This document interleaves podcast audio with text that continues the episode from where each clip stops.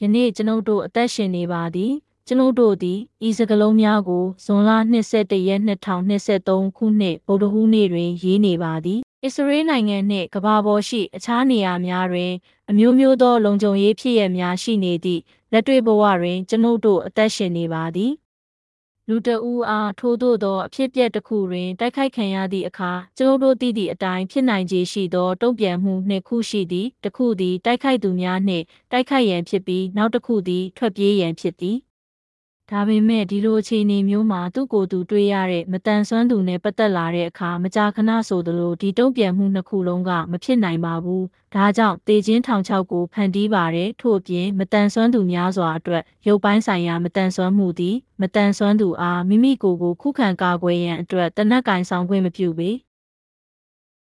ဤကြောင်းများကြောင့်မတန်ဆွမ်းသူတဦးသည် ထို့သောသောအခြေအနေမျိုးတွင်မတန်ဆွမ်းသူတဦးအသုံးပြုနိုင်သည့်ပွင့်လင်းသောအကာအကွယ်စီမံများကိုထည့်သွင်းစဉ်းစားရန်နေရာတစ်ခုဖြစ်နိုင်သည်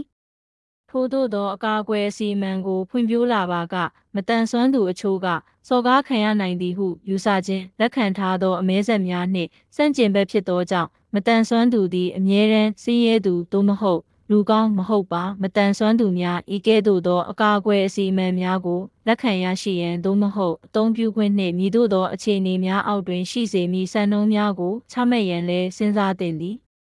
စာရေးသူသည် Jerusalem Israel ရှိခရစ် Management ရပ်ကွက်တွင်နေထိုင်သူ SF ပင်နေမနိုင်ဖြစ်သည်